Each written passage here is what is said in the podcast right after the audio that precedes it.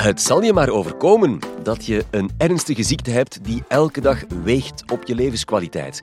Een ziekte die zo zeldzaam is dat er nog niet veel onderzoek naar is gedaan. Laat staan dat er een geneesmiddel voor bestaat. En als er dan eindelijk een medicijn op de markt komt, dan blijkt het misschien onbetaalbaar. Is het dan verantwoord om aan jou nog eens 2 miljoen euro te gaan vragen voor een ziekte waar je in de eerste plaats niet om gevraagd hebt? Of moet de overheid die 2 miljoen betalen? En kan dat dan zomaar? Hier bij me in de studio zit medisch ethicus professor Wim Pinksten. Professor, welkom. Hallo. Jij neemt ons zo meteen mee door deze complexe discussie. Dit is de Universiteit van Vlaanderen.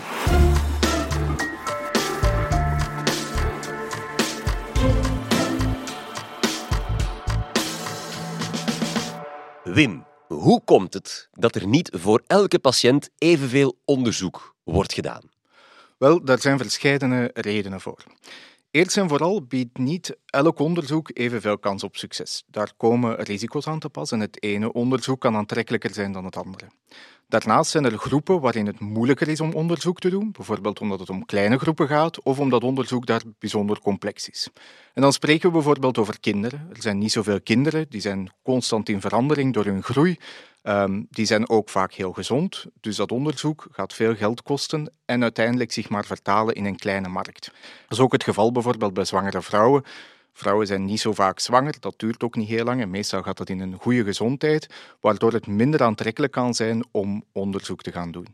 En als we kijken naar de combinatie van complex onderzoek en een kleine markt, dan is dat iets wat wel veel effect heeft voor mensen met een zeldzame ziekte. Mensen met een zeldzame ziekte definiëren we klassiek als uh, ziekten die voorkomen bij maximaal vijf patiënten per 10.000 in de Europese Unie. Voor patiënten met zeldzame ziekte is onderzoek vaak complex en duur en ook risicovol.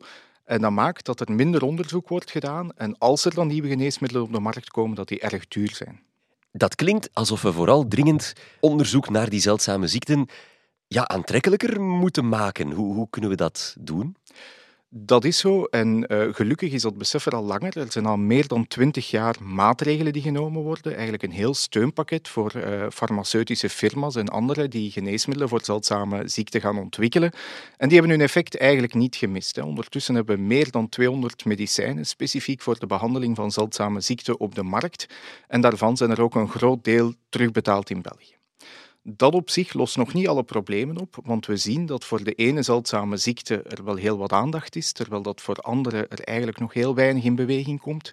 En daarbij komt ook dat de prijs voor de behandelingen die ontwikkeld worden vaak heel duur is. Ja, dat, dat gaat om gigantische bedragen die we vaak in de krant lezen. Hè? Klopt, dat kan gaan over duizenden, tienduizenden, honderdduizenden euro's. En in, in extreme gevallen, zoals bekend van baby Pia, um, gaat dat tot in de miljoenen euro's per patiënt.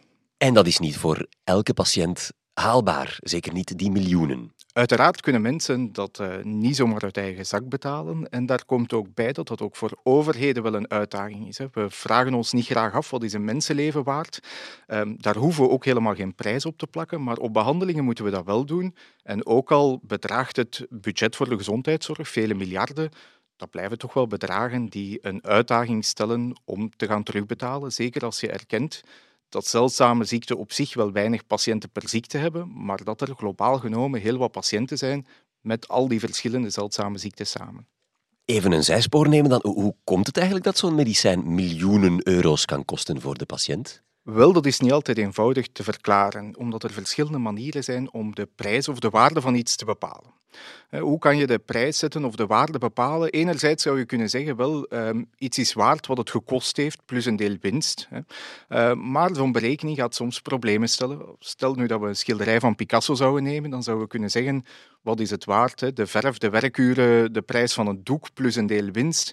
Maar eigenlijk ga je dan niet tot een betrouwbare berekening komen. Mensen gaan dat geen correcte weerspiegeling van de waarde vinden. Tegelijkertijd moeten we erkennen dat als het over gezondheid gaat, het een heel andere materie is. We kunnen ook een andere vraag stellen en ons afvragen wat is ons iets waard? Wat is gezondheid ons waard en hoeveel willen we daarvoor betalen? En dan gaan we zien dat gezondheid best veel waard is en we kunnen daar proberen een waarde tegenover te stellen. Bij schilderij van Picasso gaat dat, maar zoals gezegd gaat gezondheid een essentieel goed zijn, geen luxegoed zoals een schilderij, en moeten we daar anders over denken. We kunnen ook kijken naar wat we uitsparen door een nieuwe behandeling, bijvoorbeeld omdat er minder kosten zijn, de oude behandeling valt weg, er zijn minder hospitalisaties, er is minder hulp nodig. Maar zelfs al die dingen samen gaan niet altijd een redelijk prijsverhaal vormen. En dat zien we ook in de praktijk. Stel dat je naar de optieker gaat voor een nieuwe bril, dan gaat de optieker niet zeggen je krijgt pas een bril als je bereid bent om te betalen wat goed zien waard is uiteindelijk. Goed zien is heel veel waard, maar de prijszetting zal toch anders gebeuren. De optieker gaat ook niet als argument gebruiken uh, ja, maar als je een bril hebt, spaar je veel andere kosten uit. Je kan terug met de auto rijden, je kan zelf lezen en je bankzaken doen. En, en daardoor heb je geen andere kosten. Ehm, uiteindelijk gaat de markt die prijs zetten. En dan moeten we ons heel goed bewust zijn dat de markt voor weesgeneesmiddelen, dat zijn de geneesmiddelen om zeldzame ziekten te behandelen, zo worden die genoemd, een heel andere markt is dan de brillen. De investeringen zijn groter, de risico's zijn groter, de ontwikkeling is complexer, maar ook patiënten en terugbetalende overheden hebben een hele andere onderhandelingspositie. Wat maakt dat we tot een veel complexere prijszetting komen die wellicht ergens uh, in het midden van al die strategieën die ik heb genoemd ligt. Hoe zouden we dan uiteindelijk tot een faire prijs kunnen komen? Dat is uiteraard een moeilijk vraagstuk en dat komen we ook tegen in andere sectoren. Als we bijvoorbeeld kijken naar een eenvoudig voorbeeld als concerttickets, dan zien we dat daar gewerkt wordt momenteel met strategieën van dynamic pricing, waarbij niet vertrokken wordt van hoeveel is het mensen waard, hoeveel denken we dat het mensen waard is om naar een concert te komen, maar waar op het moment van de boeking de prijs wordt bepaald aan de hand van het aantal mensen dat inloggen en wat zij bieden om een ticket vast te krijgen. Dat is natuurlijk niet wenselijk dat we op die manier met geneesmiddelen gaan omgaan. In België hebben we een systeem waarbij we niet op voorhand vastleggen wat een maximumprijs zou zijn voor een geneesmiddel. Dus in principe is alles bespreekbaar, maar dat wil niet zeggen dat we ons alles kunnen permitteren of dat ook alles een rechtvaardige prijszetting is. Dat vergt een zorgvuldige evaluatie en we hebben ook een commissie die dat doet, die de minister adviseert in welke geneesmiddelen kunnen terugbetaald worden en daarbij kijkt onder meer naar werken de geneesmiddelen goed en hoeveel gezondheidswinst leveren ze op voor de investering die we daarin maken. Dat gaat vaak om, om uitwassen van, van vele honderdduizenden of miljoenen euro's. En de roep is dan groot om de overheid te doen Is het aan de overheid om dan op te treden? Uiteraard. We kunnen niet verwachten dat patiënten zo'n behandelingen uit eigen zak gaan betalen. Dat is een te hoog bedrag. Ehm, dat doen we trouwens ook niet altijd bij goedkope geneesmiddelen. Veel geneesmiddelen worden terugbetaald, ook als mensen die zelf kunnen betalen. Iemand principieel weigeren omdat hij een behandeling niet kan betalen, daar zouden wel wat ethische bezwaren tegen zijn, maar dat is gelukkig ook niet nodig. In het budget dat de gezondheidszorg heeft, is het best wel mogelijk om patiënten ook in dure behandelingen te voorzien. En een overheid heeft zeker tot taak om in de publieke gezondheidszorg te zorgen dat mensen toegang hebben, vlotte toegang hebben tot een goede, kwaliteitsvolle gezondheidszorg. Ook als ze een zeldzame ziekte hebben en ook als die duur is om te gaan behandelen. Omgekeerd is de overheid ook de beheerder van het belastingsgeld en moeten zij goed opletten wat ze daarmee doen. En dan moeten ze wel evalueren of het goede investeringen zijn. En daar komen die weesgeneesmiddelen voor zeldzame ziekten ja, met toch wel een complexer verhaal. Want als je gaat kijken, hebben patiënten die geneesmiddelen nodig, de klassieke criteria die gebruikt worden, dan kunnen we zeggen zeker en vast nodig. Um, gaan die werken? Ja, vaak zijn die ziekten zo complex dat die werking een, een, complexer verhaal is dan bij een ziekte die zonder meer te genezen is. Welke gezondheid krijgen we terug voor de investering die we doen? Ook daar krijgen we een complex verhaal. En dan is het aan de overheid om een goede evaluatie te maken, maar toch ook voldoende in het oog te houden dat mensen met een zeldzame ziekte voldoende in beeld blijven en niet vergeten worden. Want uiteindelijk hebben ze voor eerst al de pech van een ziekte te hebben waar dat ze niks aan kunnen doen. Ten tweede hebben ze de pech dat het geneesmiddel heel duur is en ook daar hebben ze niks mee te maken. En als ze ten derde ook nog eens de pech hebben dat de overheid het een te klein probleem vindt omdat het een zeldzaam fenomeen is, dan worden ze eigenlijk drie keer belast uh, voor één probleem dat ze hebben. Moet de overheid zich ook niet boos maken op de farma-industrie als die miljoenen vragen voor een geneesmiddel? Wel, boos maken is misschien niet de taak van de overheid, maar er moet natuurlijk wel goed onderhandeld worden over de prijs. We zien ook dat de prijs voor hetzelfde geneesmiddel in Europa niet in elk land hetzelfde is. En een goede onderhandeling kan natuurlijk wel een deel van de kosten besparen. En dat gebeurt ook.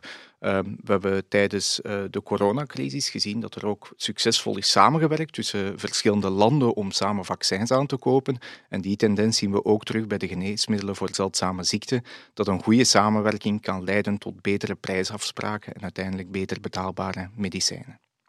Maar toch, die miljoenen euro's, dat blijft toch veel geld. Hè? Vaak voor één geneesmiddel, voor één patiënt. Dat blijft enorm veel geld. En het is uiteraard wenselijk dat die prijzen naar beneden gaan en dat we die kunnen doen dalen. En daar moet ook druk op gevoerd worden om dat uh, te verwezenlijken. Um, intussen tijd natuurlijk moet er gekeken worden dat er voldoende aanbod is voor mensen met een zeldzame ziekte en dat er uh, overwogen wordt om toch ook grote bedragen in beginfase van ontwikkeling neer te tellen. En we hebben ook sociale steun bijvoorbeeld daarvoor gezien. Denk aan de crowdfunding die destijds voor uh, Baby Pia is gedaan, waar toch enorm veel mensen hun steun hebben betuigd. En zo'n crowdfunding heeft natuurlijk um, belangrijke limieten. Hè. Niet iedereen neemt deel en niet iedereen kan er gaan van genieten, want er zijn meerdere patiënten dan die ene alleen. Um, als we dat op het niveau doen van de publieke gezondheidszorg, vermijden we die problemen en zorgen we toch dat het uh, aanbod vergroot, zodat iedereen aanspraak kan maken op een goede werkende behandeling. Maar dus zo'n bedrag van 2 miljoen euro voor een geneesmiddel is niet altijd een farmabedrijf dat misbruik maakt van de situatie? Wel, laat ons beginnen met te stellen dat het wel wenselijk zou zijn dat er meer transparantie is in de prijszetting. Dan kunnen we daar beter over oordelen. Maar vanzelfsprekend, als er grote investeringen worden gedaan en grote risico's genomen worden door farmaceutische firma's, is het ook wel logisch dat ze daar een deel proberen op terug te winnen dan moeten we toch goed kunnen evalueren hoe fair dat is hè, en of dat die gevraagde prijs nog in verhouding staat tot de kosten die gemaakt zijn. En dat is momenteel niet altijd eenvoudig. Daarbij komt ook dat het niet uitgesloten is dat sommigen gaan misbruik maken van de regelingen. En die zijn ook bekend, hè, firma's die gaan proberen, die op zich weinig investeren of niks investeren in onderzoek, en die proberen oude geneesmiddelen opnieuw op de markt te brengen voor patiënten met een zeldzame ziekte en zo de prijs tot uh, soms echt een, een enorm veelvoud van de originele prijs op te drijven. Bekend voorbeeld daarvan is Daraprim in de Verenigde Staten, uh, dat in prijs is gestegen eerst naar 13 dollar, achteraf naar 750 dollar, wat ook geleid heeft tot een uh, veroordeling en beboeting van degene die dat heeft gedaan. Conclusie, professor. Um, dure geneesmiddelen voor zeer zeldzame ziekten bijna onvermijdelijk en misschien ook niet heel erg dat onze overheid daar dan af en toe in moet tussenkomen. Wel, het alternatief zou zijn dat we patiënten met een zeldzame ziekte in de steek laten. En dat kunnen we niet doen. Dat wil niet zeggen dat we zonder concessies alle mogelijke prijszettingen moeten gaan aanvaarden. Uh, maar momenteel is dat de, de weg die we door moeten, denk ik. Dankjewel, professor Wim Pinksten, voor meer inzicht in deze moeilijke ethische kwestie. Wil je nog beter begrijpen waar die dure prijs van geneesmiddelen voor zeldzame ziektes toch vandaan komt? Scroll dan zeker eens terug naar aflevering 75 van deze podcast met biostatisticus Geert Molenbergs. Heel graag tot daar of tot een volgende keer.